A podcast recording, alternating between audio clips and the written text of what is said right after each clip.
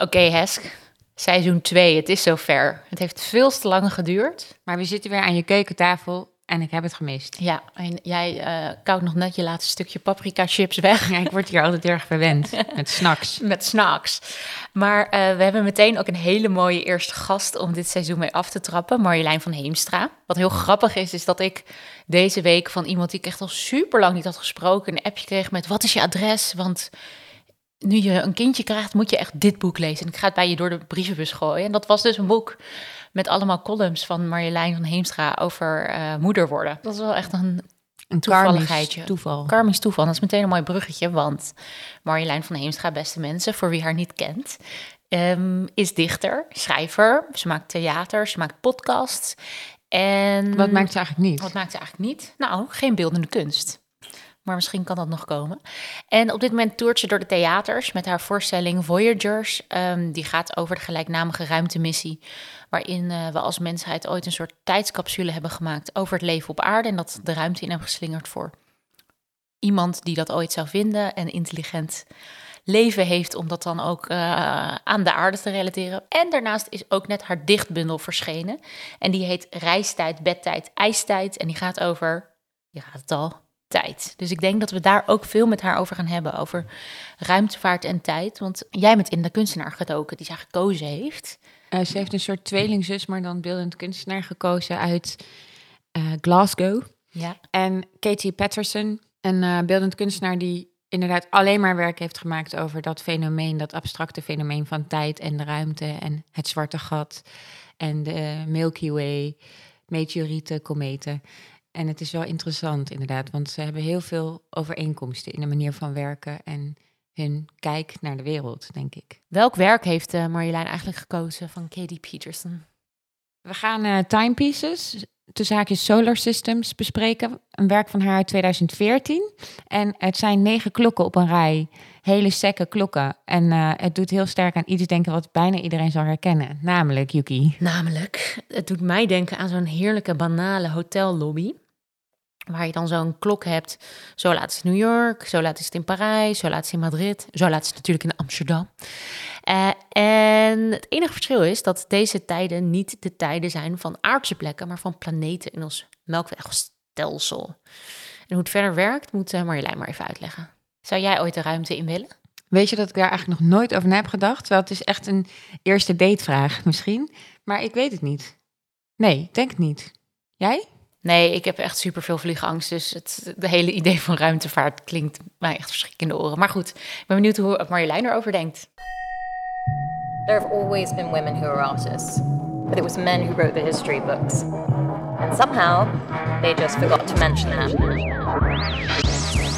Welkom bij Naakt op een kleedje, de podcast waar we altijd praten over één kunstwerk van een vrouwelijke maker, genomineerd door weer een andere vrouw die wij weer heel tof vinden. En wij, dat is dus Hesket en Katen, die tegenover mij zit, en ik, Yukiko. En dit is aflevering 1 met Marjolein van Heemstra. Welkom Marjolein. Heel Dankjewel. erg leuk dat je er bent. We hebben het net al even over het werk gehad, Heske en ik, wat wij er een beetje in zagen. Maar vertel ons eens, hoe kijkt Marjolein van Heemstra naar het kunstwerk wat ze heeft meegenomen? Wat zie jij? Um, nou, wat ik heel erg leuk vind hieraan is um, hoe het totaal relativeert wat voor ons zo normaal is, namelijk een uur of een dag. Um, uh, we hadden in het voorgesprek net al hele discussie over hoe zit dit met timepieces? Hoe kijk je naar deze klokken? Het zijn negen klokken, soort van identieke klokken die je normaal in een kantoor hebt hangen. Zo van in New York is het zo laat, in Madrid is het zo laat, enzovoort. Ja. En, um, en maar hier is het dan dus, nou op Pluto, oh nee, oh nee, Pluto zit er niet op. Uh, Jupiter is het zo laat, aarde zo, Mars ja. zo. En um, het is dus een hele gekke klok, omdat dan op je op aarde dus heb je 24 uur, dat ja. een dag wordt afgelegd, maar die moet zich dan, dan moet Mercurius, de tijd op Mercurius, moet zich verhouden tot die tijd op aarde. En op Mercurius gaat het veel trager. Een dag duurt dan, geloof ik, 4000 uur ja, of zo. Dus echt 4223 uur. Ja, nou ja, ja. En, de, en hoe krijg je dat nou bij elkaar? Dus al die planeten hebben dan, en dan op de verste planeten maar 9 uur. Dus je moet een soort heel raar systeem verzinnen om, uh, om ervoor te zorgen dat die klokken allemaal Ja. hetzelfde, allemaal een dag representeren. Een, ja, een dag representeren. Maar eigenlijk doe je iets wat helemaal niet kan natuurlijk. Dus Nee. je, je, en dat vind ik zo interessant, dat je, dat je, ik begrijp het eigenlijk gewoon niet. Ik begrijp niet wat er gebeurt. En daardoor ga je heel erg nadenken van, ja, wat, wat is een dag? Wat is een uur? Wat betekent dat? Nee, en het is ook natuurlijk heel menscentrisch denken dat je. Ja, ehm, want eigenlijk wat je ook zegt, als je het kunstwerk zo uitlegt, dan als je hem- als je het heel letterlijk maakt, betekent het dus ook als je voor het kunstwerk staat en je ziet de secondenwijzer van de klok aarde gewoon 60 keer rondtikken en dan gaat er een minuut voorbij. Mhm. En Mercurius, zeg je net, is 4000 plus uur is eh, Ja. een dag. Dat betekent dus dat je met je blote oog die secondenwijzer niet, Niet eens, ziet. niet zou kunnen, bewe- kunnen bewegen. nee. Dus het is ook een waardeloze klok als je, als je Ja. het vanuit de mensen bekijkt. Ja, ja, ja. En dat is ook wel... eh, Heb je dit werk wel eens in het echt gezien? Nee, nee. Hoe Nee. kwam het op je pad? Nou, ik, heb, eh, ik, ik ontdekte haar eh, en haar werk, ik denk een jaar of anderhalf jaar geleden, omdat ik ging schrijven voor de correspondent over ruimtevaart. Ehm, en ja, ruimtevaart, ik schrijf eigenlijk meer over wat meer in abstract, filosofisch, maatschappelijke zin over ruimtevaart. Dus niet zozeer over de techniek, maar meer de ideeën erachter. En wat zoeken we daar nou eigenlijk? En wat gebeurt er met ons op het moment dat we vanuit de ruimte naar onszelf kijken? Of op het moment dat we over exoplaneten gaan nadenken en, en zijn buitenaards leven. exoplaneten? Eh, dat zijn planeten in een ander zonnestelsel. Oké. En eh, ja, toen kreeg ik, kwamen er best veel dingen. Ik zat dus heel vaak gewoon te zoeken naar, naar vooral ook kunstenaars, dichters, filosofen die zich tot die ruimtevaart verhielden, verhoud, verhouden.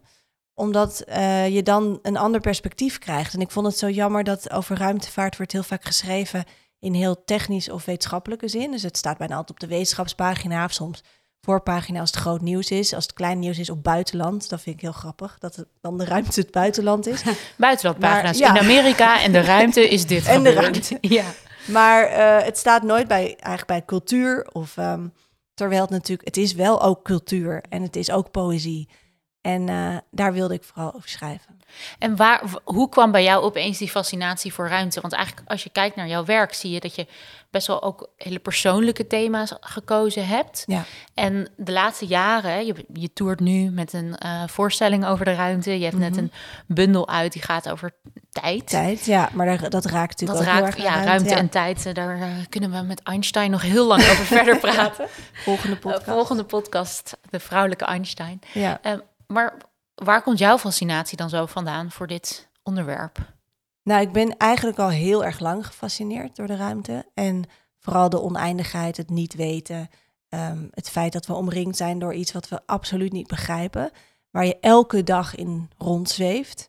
Dat vind ik zo verpletterend. Dat gewoon, nou ja, dat wij gemaakt zijn van buitenaards materiaal.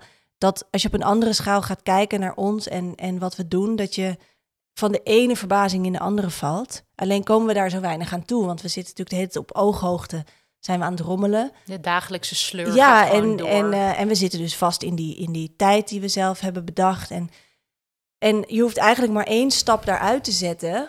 En je wordt overvallen door, nou ja, het kan een kosmische angst zijn of eh, waanzinnige overweldiging voor waar we in zitten.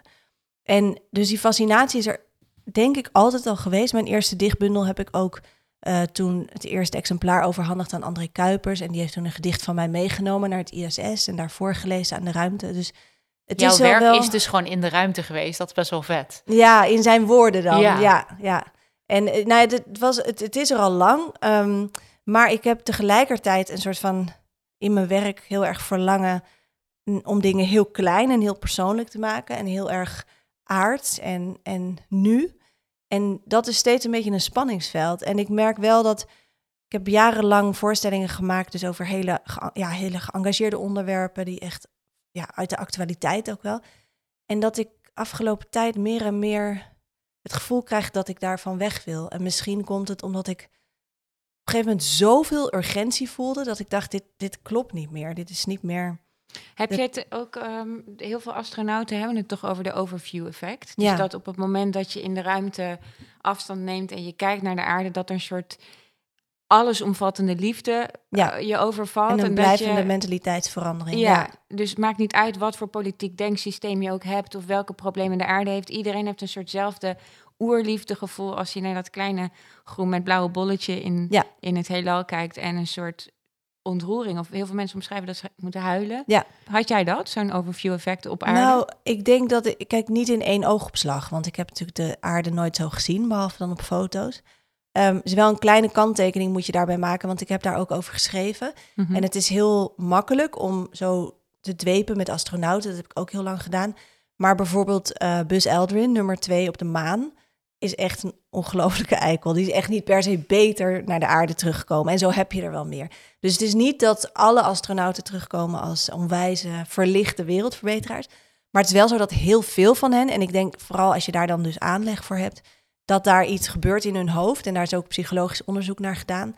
En dat is een heel grappige conclusie hadden ze dan dat de afstand tot wat je normaal gesproken, tot wat normaal gesproken heel nabij is, ehm, die maakt eigenlijk dat je dat er een soort shift ehm, plaatsvindt in je hoofd. Dus de afstand brengt nabijheid. Dus je ziet de dingen die altijd zo recht voor je staan, zie je op grote afstand en daardoor voelen ze dichterbij dan ooit.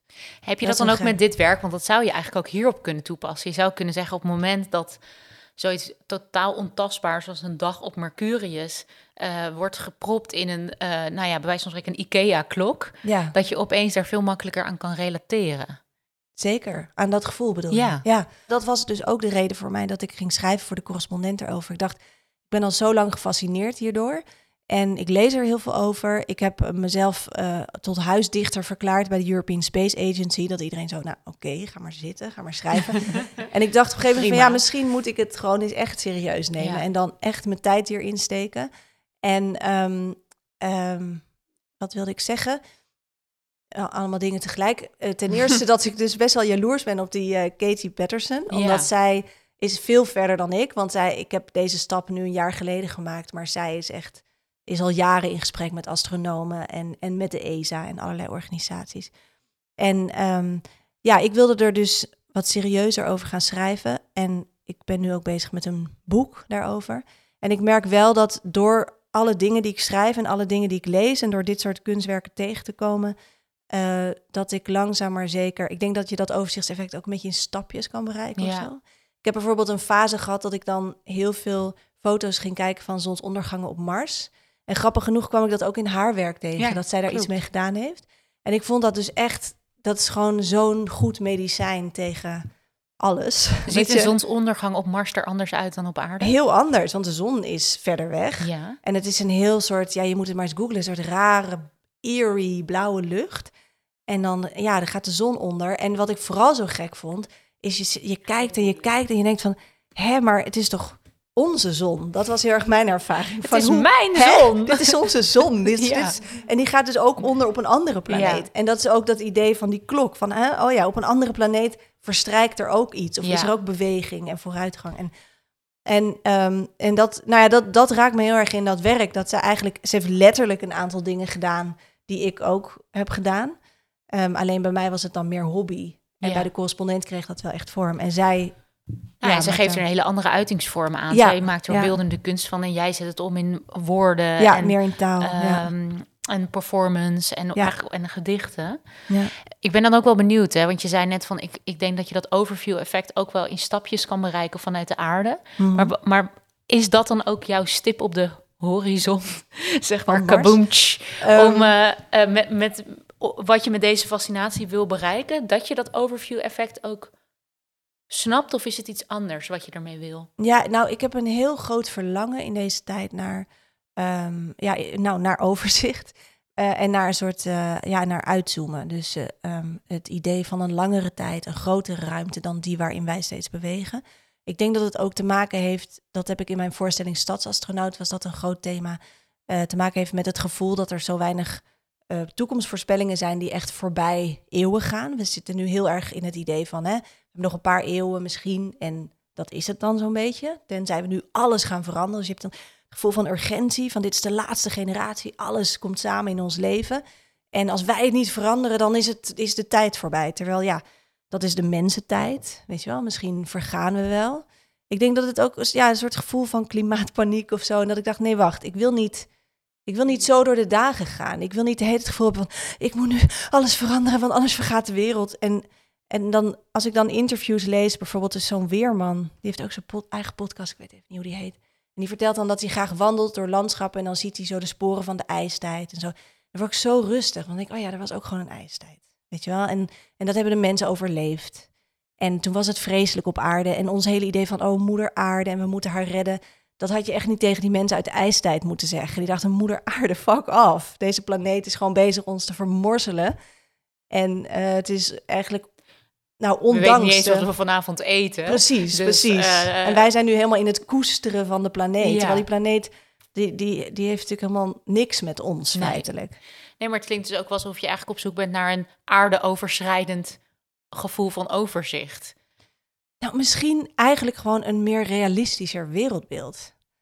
Is Doet dat zij wat dat ik ook, zoek? Jullie zijn even oud, hè? Dat vind ik Ja, interessant. ja. Want inderdaad, In mensentijd dan, hè? in in mensentijd-. Dat is wel belangrijk om op te merken. In Op Mars is er veel allemaal ouder. uit. eh, ko- komen ehm, jullie allebei uit 1981. Ja. En zij is inderdaad al vanaf volgens mij haar afstuderen geobsedeerd door Ja. de ruimte. En het, eh, maar, maar ze heeft ook een hele romantische inslag, Ja. die ik bij jou ook wel Ja. lijkt te herkennen. Ja. Wat is dat? Waarom, waarom? Nou, romantisch, ik zou het poëtisch willen noemen eigenlijk. En zij noemt het romantisch. Ja, daarom... dat, dat heb ik ook gelezen in een interview. En ik weet niet of ik het zo romantisch vind. Ehm, Want wat zegt zij er? Eerder ben ik even nieuwsgierig. Wat zegt zij erover dat het voor haar romantisch... Ik schenk ondertussen weer thee in. Ja, Ehm, in, je hebt in de kunst wordt vaak over het sublieme gesproken. En dat is eigenlijk iets wat inderdaad een ondergaande zon of een, maar bijvoorbeeld ook een tsunami of afbrokkelende ijskappen op de, op de Noordpool zijn. Dus het is heel groot en meeslepend natuurgeweld of ja, eh, bijna en- goddelijk aanvoelt. ja, die overweldiging daarvan. Ja, ja. En, en de mens daar tegenover als nietig wezen. Dat, Ja. dat is een sublimatie. ja. En de romantiek komt daaruit voort. Dus het is letterlijk een tijdsperiode waarin de mens zich nietig voelde ten opzichte Ja. van alles om hem heen of haar heen. Maar het is ook een benaming van een manier van werken dat je iets dus romantisch maakt of sublimeert. En dan, eh, ja, dan. Oh ja, nee, dan, ja, het is eigenlijk toch heel romantisch. Ja. Ja, Wat het, ik is, doe. ik maak heel romantisch werk. ja, het, het heeft Ja. misschien Even je een LinkedIn negatieve aanpassen. Ja, shit, sorry. Niet poëtisch. Nee, niet poëtisch, romantisch. ben een romanticus. Ja. Ja, Het is iets. Het is ook moeilijk te benoemen wat het precies is, maar ik denk. Nee, maar dat sublieme. En ik denk dat gevoel van overweldiging, dat zij dat heel erg zoekt. En grappig genoeg, dat ligt ook echt aan de basis van dat overzichtseffect. Mensen hebben het alleen maar als ze overweldigd worden door die afstand en die nabijheid tegelijkertijd. En dat is ook wel wat ik heel erg zoek in mijn werk. Het is wel, vind ik, dus in taal vaak lastiger te bereiken. Dus dat, daar ben ik dan wel jaloers op. Als je muziek of beeldende kunst vindt, dat, dat je daar sneller bent of zo. In taal is al- toch altijd een beetje een omweg. Dus ik vind het soms wel jammer dat dat mijn route is, zeg maar. Heb je wel eens... ehm, is, er, is er een voorbeeld te vinden waarin je heel dichtbij bent geweest bij dat gevoel? En wat je, waar het je wel gelukt is met taal?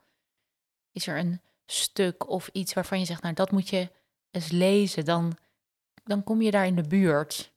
Nou, ik denk dat bijvoorbeeld die voorstelling Stadsastronaut, voor wie daar gevoelig voor was, denk ik wel dat de combinatie van muziek en taal en beeld. Ik merkte wel dat mensen die daarvoor open stonden, die voelden dat. Ja.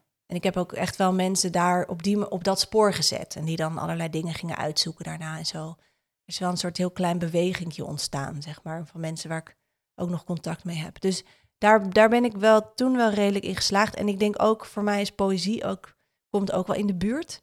Ehm, omdat je dan zo iets nieuws uitvindt of zo. Of je probeert een soort nieuwe taal te vinden. ja, je geeft echt En- gevoel aan, je geeft eigenlijk woorden aan een gevoel waar Ja. normaal geen woorden voor waren. Ja, ja, ja. Dus, eh, dus dan komt het, komt het ook wel in de buurt. Ja. En ga je handen dan ook niet jeuken? Eigenlijk zei je dat net al een beetje om van medium te switchen of een medium toe te voegen. Want Katie Peterson vertelde Heske mij ehm, toen we dit gesprek aan het voorbereiden waren. Die heeft ook bijvoorbeeld een meteoriet omgesmolten en terug de ruimte ingemieterd. Ja, Dat zijn natuurlijk hele groteske ja, bewegingen. Krijg je niet ook heel erg zin van om, ja om dat soort dingen te gaan doen? Eh, maar ik heb vooral heel veel zin. Eh, het afgelopen jaar heb ik een soort plan opgevat om over vijf jaar of natuurkunde of wiskunde te gaan studeren.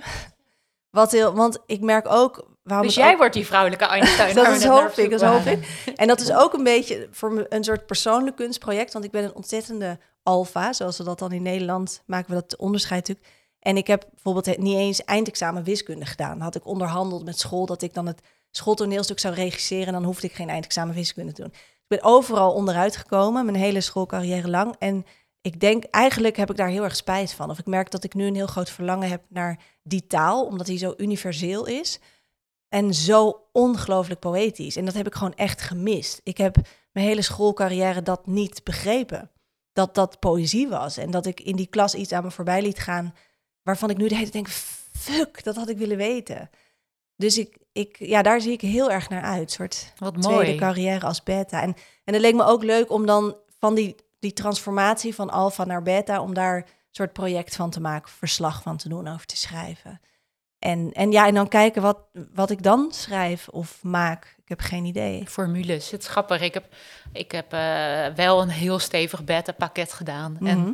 ooit ingeschreven gestaan voor een studie wiskunde. Maar toen gewoon gedacht, ja, dan heb ik geen vrienden. En dan heb ik een aansluiting. Toen ben ik daar dus nooit Ja. aan begonnen. Wat ik heel Ja. zonde vind. Dus ik herken dat wel. Was jij nog, goed in hè? wiskunde, Oh. Hesk? Nee, ik zat ook in de alfa-kant, heel Ja. erg. Wat had jij uit onderhandeld om geen wiskunde te hoeven doen?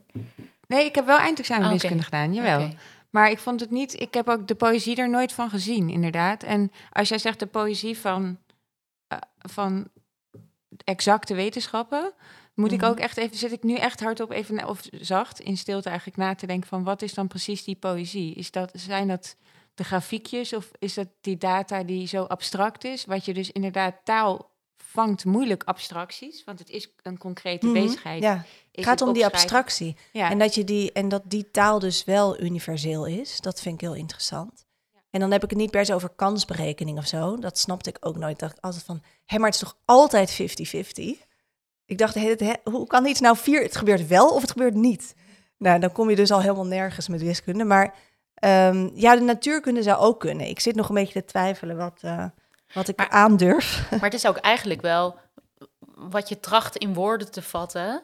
En wat, waarvan je zegt dat lukt niet altijd. Dat, Ja. dat kan je wel in formules en Ja. in die universele, universele taal van cijfers. Ja, het heeft misschien ook te maken met de tijdgeest of zo. Dat ik, ehm, ik voel me heel erg verbonden met alle emancipatiestromingen, met die enorme discussies over identiteit. Ik denk dat het belangrijk is en ik vind het, ik volg dat ook heel graag. En tegelijkertijd maakt het me heel, eh, vermoeit het me heel erg en heb ik daardoor steeds meer behoefte om iets niet menselijks op te zoeken. En iets wat echt universeel is. En ik vind dus dat taal.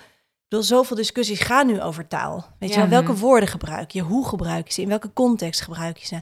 En ik snap dat het heel belangrijk is. En zeker als dichter ben je zo bewust van elk woord. Maar ik heb ook een soort vermoeidheid gekregen met taal. En met identiteit. En met ehm, wat ik steeds maar representeer. En dan verlang ik gewoon... Ik wil gewoon een geodriehoek zijn. Ja, Een passer en een geodriehoek. En Ja, verder moet iedereen je met rust laten. Ja. Wat Ja. goed. Ik ben zo benieuwd, hè, want Heske, jij bent ook verder in dat eh oeuvre van die eh, Patterson gedoken. Glasgow. Wat maakt zij dan nog meer waar, waar we jaloers op moeten zijn? Nou, het, is wel, het sluit wel mooi aan, want zij, haar, haar, al haar werk schuurt tegen de wetenschap aan. En volgens mij veel meer dan dat ze met ambachtslieden werkt of met eh, technieken, werkt ze met wetenschappers.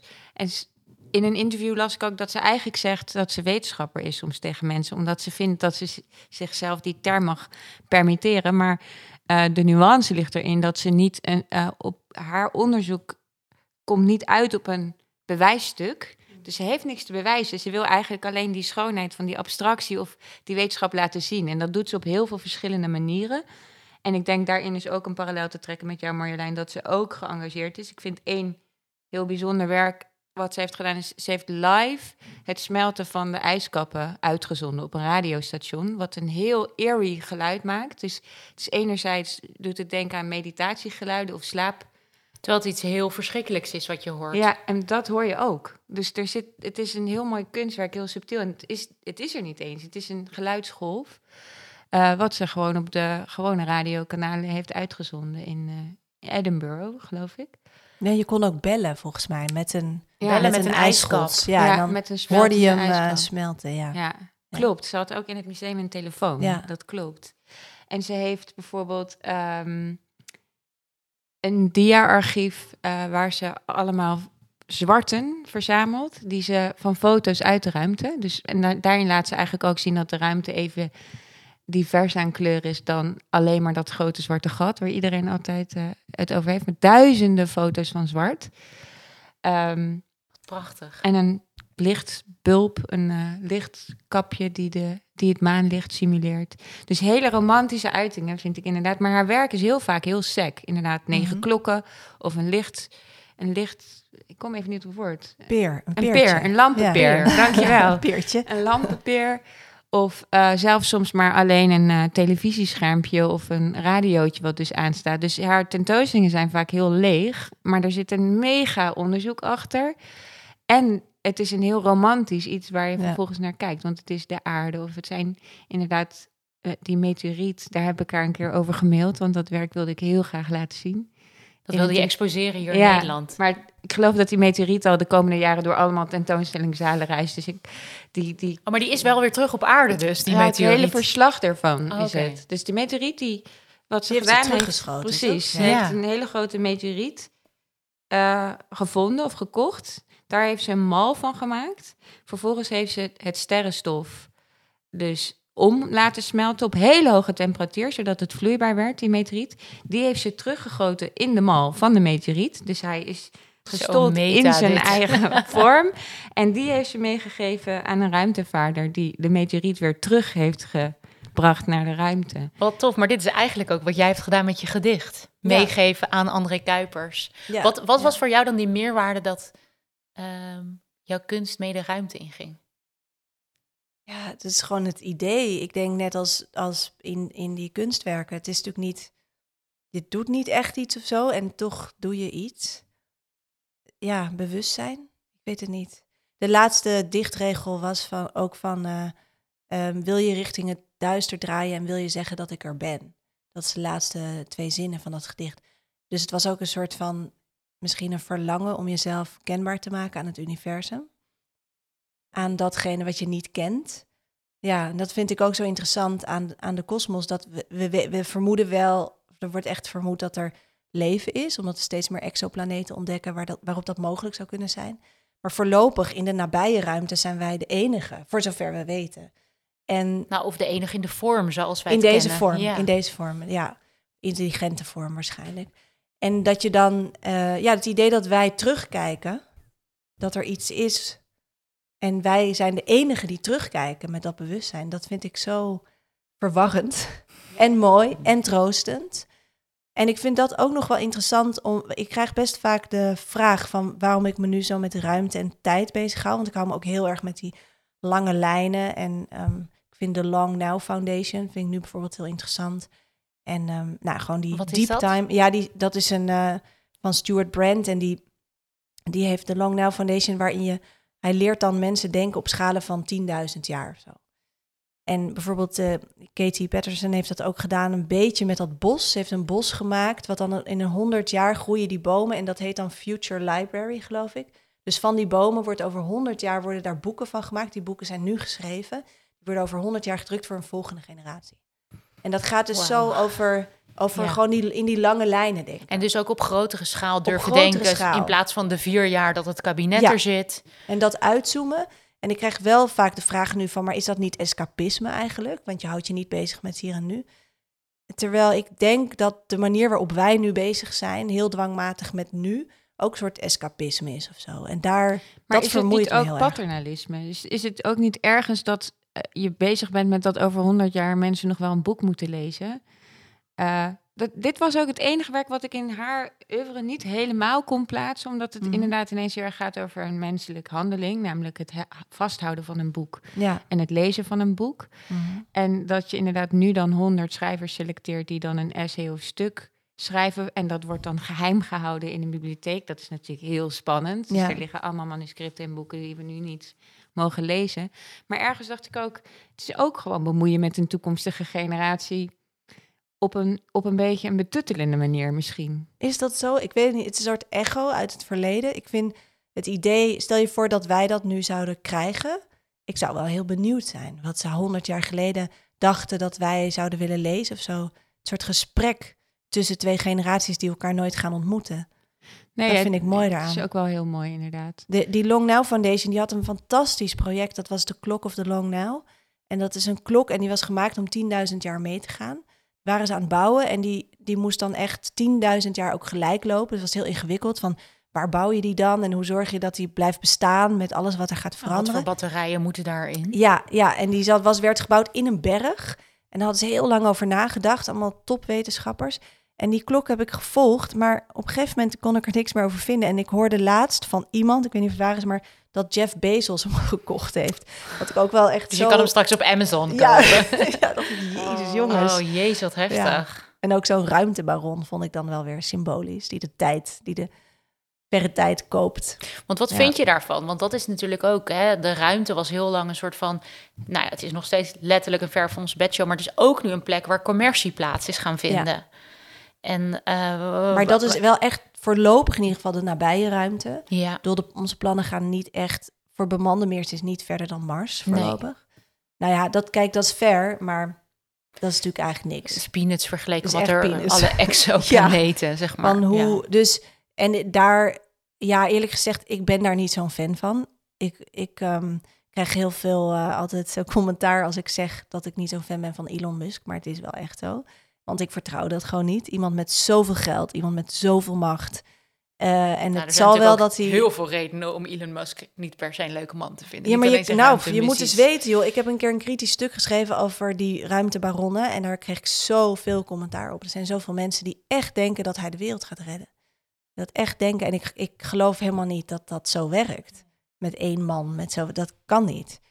Maar dus ik, ik vind wat daar allemaal gebeurt en die, die mijnbouw op meteorieten en zo. Ja, misschien dat het ons dan een paar eeuwen extra geeft. Want dan vinden we daar weer nieuwe energiebronnen. Misschien helpt het inderdaad. Jeff Bezos wil zware industrie naar de ruimte verplaatsen. Nou ja, zou kunnen. Eh, en zo rekken we het dan weer een beetje op. De tijd dat we hier kunnen bestaan. Maar moeten we niet gewoon allemaal de ruimte met rust laten? Nou ja, waarom? Waarom zeg jij dat, Joek? Ja. Nou, ik ben gewoon nieuwsgierig. Ergens heb ik ook zoiets van... Het gaat al, het gaat al eeuwenlang goed. eh, zonder dat de mensen er iets mee moeite hebben. Moeten we het niet gewoon lekker laten en accepteren dat daar een systeem bestaat... waar wij wel onderdeel van zijn. En gewoon onze tijd hier uitzitten. En dat verder... Ja, Ja, je- gewoon je- accepteren. je- Wat is ja, dan... Dat, ja, natuurlijk. Het zou, dat zou kunnen en daar is veel voor te zeggen. Tegelijkertijd is er ook veel voor te zeggen dat je de mogelijkheden van een soort benut. En we zijn nou eenmaal een soort die dus klaarblijkelijk... Het lukt ons om aan de zwaartekracht te ontsnappen. En we, er, zijn, er liggen plannen die het mogelijk maken om misschien wel een soort te worden die, die over verschillende planeten reist. Ja, waarom zou je dat niet doen? Ja, ja er zou ik het ook heel mooi vinden dat je op een gegeven moment berust in je lot. Maar dan moet je dus ook bedenken, moet je dus ook universeel bedenken dat dat je lot is. Precies, precies. Wat is het? En dat is natuurlijk daar een hele grote nooit vraag. over Wat is het menselijk zijn. lot? Ja, En zijn we, kijk, je kan dat zeggen, maar horen we echt bij de aarde? Want we zijn ook, bedoel, onze grondstoffen komen uit ruimte. Wij zijn in principe zijn wij buiten aard. Dat is waar we vandaan komen. Ik heb nog één vraag die nu blijft hangen naar aanleiding van dit gesprek. Want je geeft aan dat je die eh, beta-kant op wilt. Ehm, maar toen ik zelf op de kunstacademie zat en het werk van Patterson ontdekte, vond ik het zo ongelooflijk hoopvol en fijn dat er makers waren die zo schuren en hand in hand lopen met de wetenschap. En die juist een vertaling maken voor ehm, mensen, denkers, bewoners van deze planeet. eh, die eh, tot de verbeelding spreekt ergens. En zij leerde mij ergens met haar werk dat, er, dat je als kunstenaar niet een schilderij hoeft te maken of een sculptuur, dat dat kunstpraktijk is, maar juist dat je iets over de wereld kan vertellen waar die verbeeldingskracht in terugkomt. En lijkt me ergens ook, eh, ik ben gewoon benieuwd of je het idee hebt dat kunst dat niet meer voor je kan. Of Niet volstaat. ja, Ja. en of het je dus op de een of andere manier heeft gelimiteerd en denkt ik moet een ander vakgebied kiezen om weer vrij te kunnen denken. Terwijl ergens is dat altijd toegedicht geweest aan het beroep van een kunstenaar. Ja, dat is heel interessant. Want ik, ik heb wel het gevoel dat in elk geval in de, de, de kunstkringen, zeg maar, waarin ik me nu beweeg, voel ik me wel beperkt door de vorm en door de verwachtingen daarvan. Door, ehm, ik merk in het theater ook door heel vaak voor hetzelfde publiek te spelen, dat je op een gegeven moment toch krijg je een gekke dynamiek of zo. Je gaat doen wat je denkt dat mensen denken dat je gaat doen en enzovoort. En ehm, het is best moeilijk om daar dan uit te breken. En, en voor mijn gevoel moet dat rigoureus. En ik denk niet dat ik dan geen kunstenaar meer ben, maar eerder dat ik dat het groter wordt. Dat ik het, ja, dat het veel groter wordt. Dat je misschien ook een ander publiek bereikt, andere platformen. En daar ben ik sowieso wel veel mee bezig. Dat ik ook podcast maak en schrijf. En ik vind het gewoon heel jammer dat dat zo gescheiden is. En ook als je bijvoorbeeld geld wil aanvragen voor een project of zo, weet je, het is of kunst of wetenschap of en daar zit het fonds voor de letteren en daar en anders doe je daar een van. Het is de hele tijd zo, um, het komt gewoon heel weinig samen. Ja, je maakt eigenlijk een soort radicale overstap om juist die twee werelden te verbinden. Wat, zo, wat bij Patterson ook zo krachtig is. Eigenlijk. Ja, en ik vind het heel jammer dat dat uh, in de kunst helemaal niet zo gangbaar lijkt of zo. Ik merk bijvoorbeeld in theater dat mensen nu tegen mij zeggen van... oh, je bent een beetje uit het theater aan het gaan of zo. Dan denk ik van, hé, maar nee, ik ben gewoon... dit is ook voor mij theater. Dus eigenlijk gewoon het hokje verder uitbreiden. En hoe fijn om dat met een onderwerp te doen wat eindeloos groot is. Precies. Ja. Dankjewel, Marjolein. Ja, jullie ook.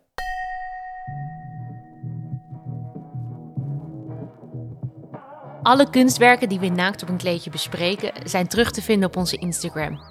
Naakt op een kleedje. Wel zo lekker als je ze even kan terugkijken. Deze podcast wordt gemaakt door Heske ten Katen en mijzelf, Yukiko, in opdracht van VPRO Mondo, het cultuurprogramma van de VPRO. De edit wordt verzorgd door de immer fantastische Misha Melita en de leader is van Gijs Knol en Tom Hofland. Ontzettend bedankt voor het luisteren en tot de volgende aflevering.